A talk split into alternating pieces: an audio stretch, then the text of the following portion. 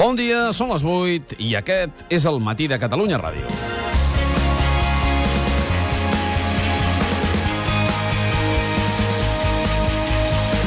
El govern espanyol colla una mica més les comunitats emparant-se amb la necessitat de reduir la morositat amb els proveïdors. Segons una nova llei que ha dissenyat el Ministeri d'Hisenda, el govern espanyol podrà suspendre impostos cedits a les comunitats i enviar-hi els seus homes de negre perquè revisin els comptes si les comunitats més rere més no paguen els proveïdors en el termini marcat, ara fixat en 30 dies. Hisenda, per tant, assumirà la política fiscal de les comunitats que no paguin en els terminis establerts, és a dir, que podrà intervenir aquelles comunitats que, com Catalunya, paguin amb retard.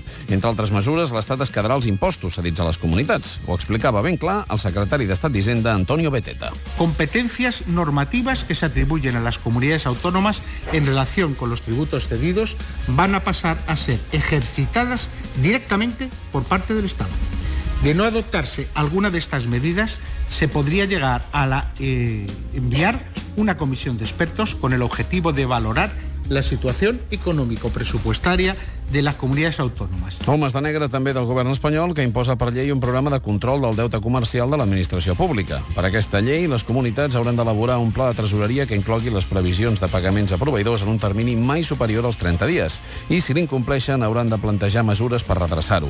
I si el continuen incomplint, durant 7 mesos es posarà en marxa el que el Ministeri anomena mesures coercitives. La primera, assumir impostos cedits a les comunitats i la segona, enviar-hi els homes de negre. Ningú pot discutir que els proveïdors han de cobrar en els terminis marcats ni que és vergonyós que la morositat de les administracions hagi significat la fi per moltes petites i mitjanes empreses ofegades pel retard en els pagaments de l'administració.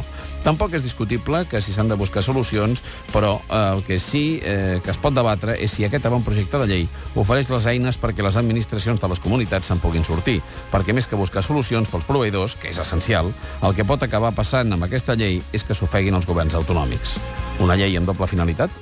Benvinguts a casa vostra. El matí de Catalunya Ràdio, amb Manel Fuentes.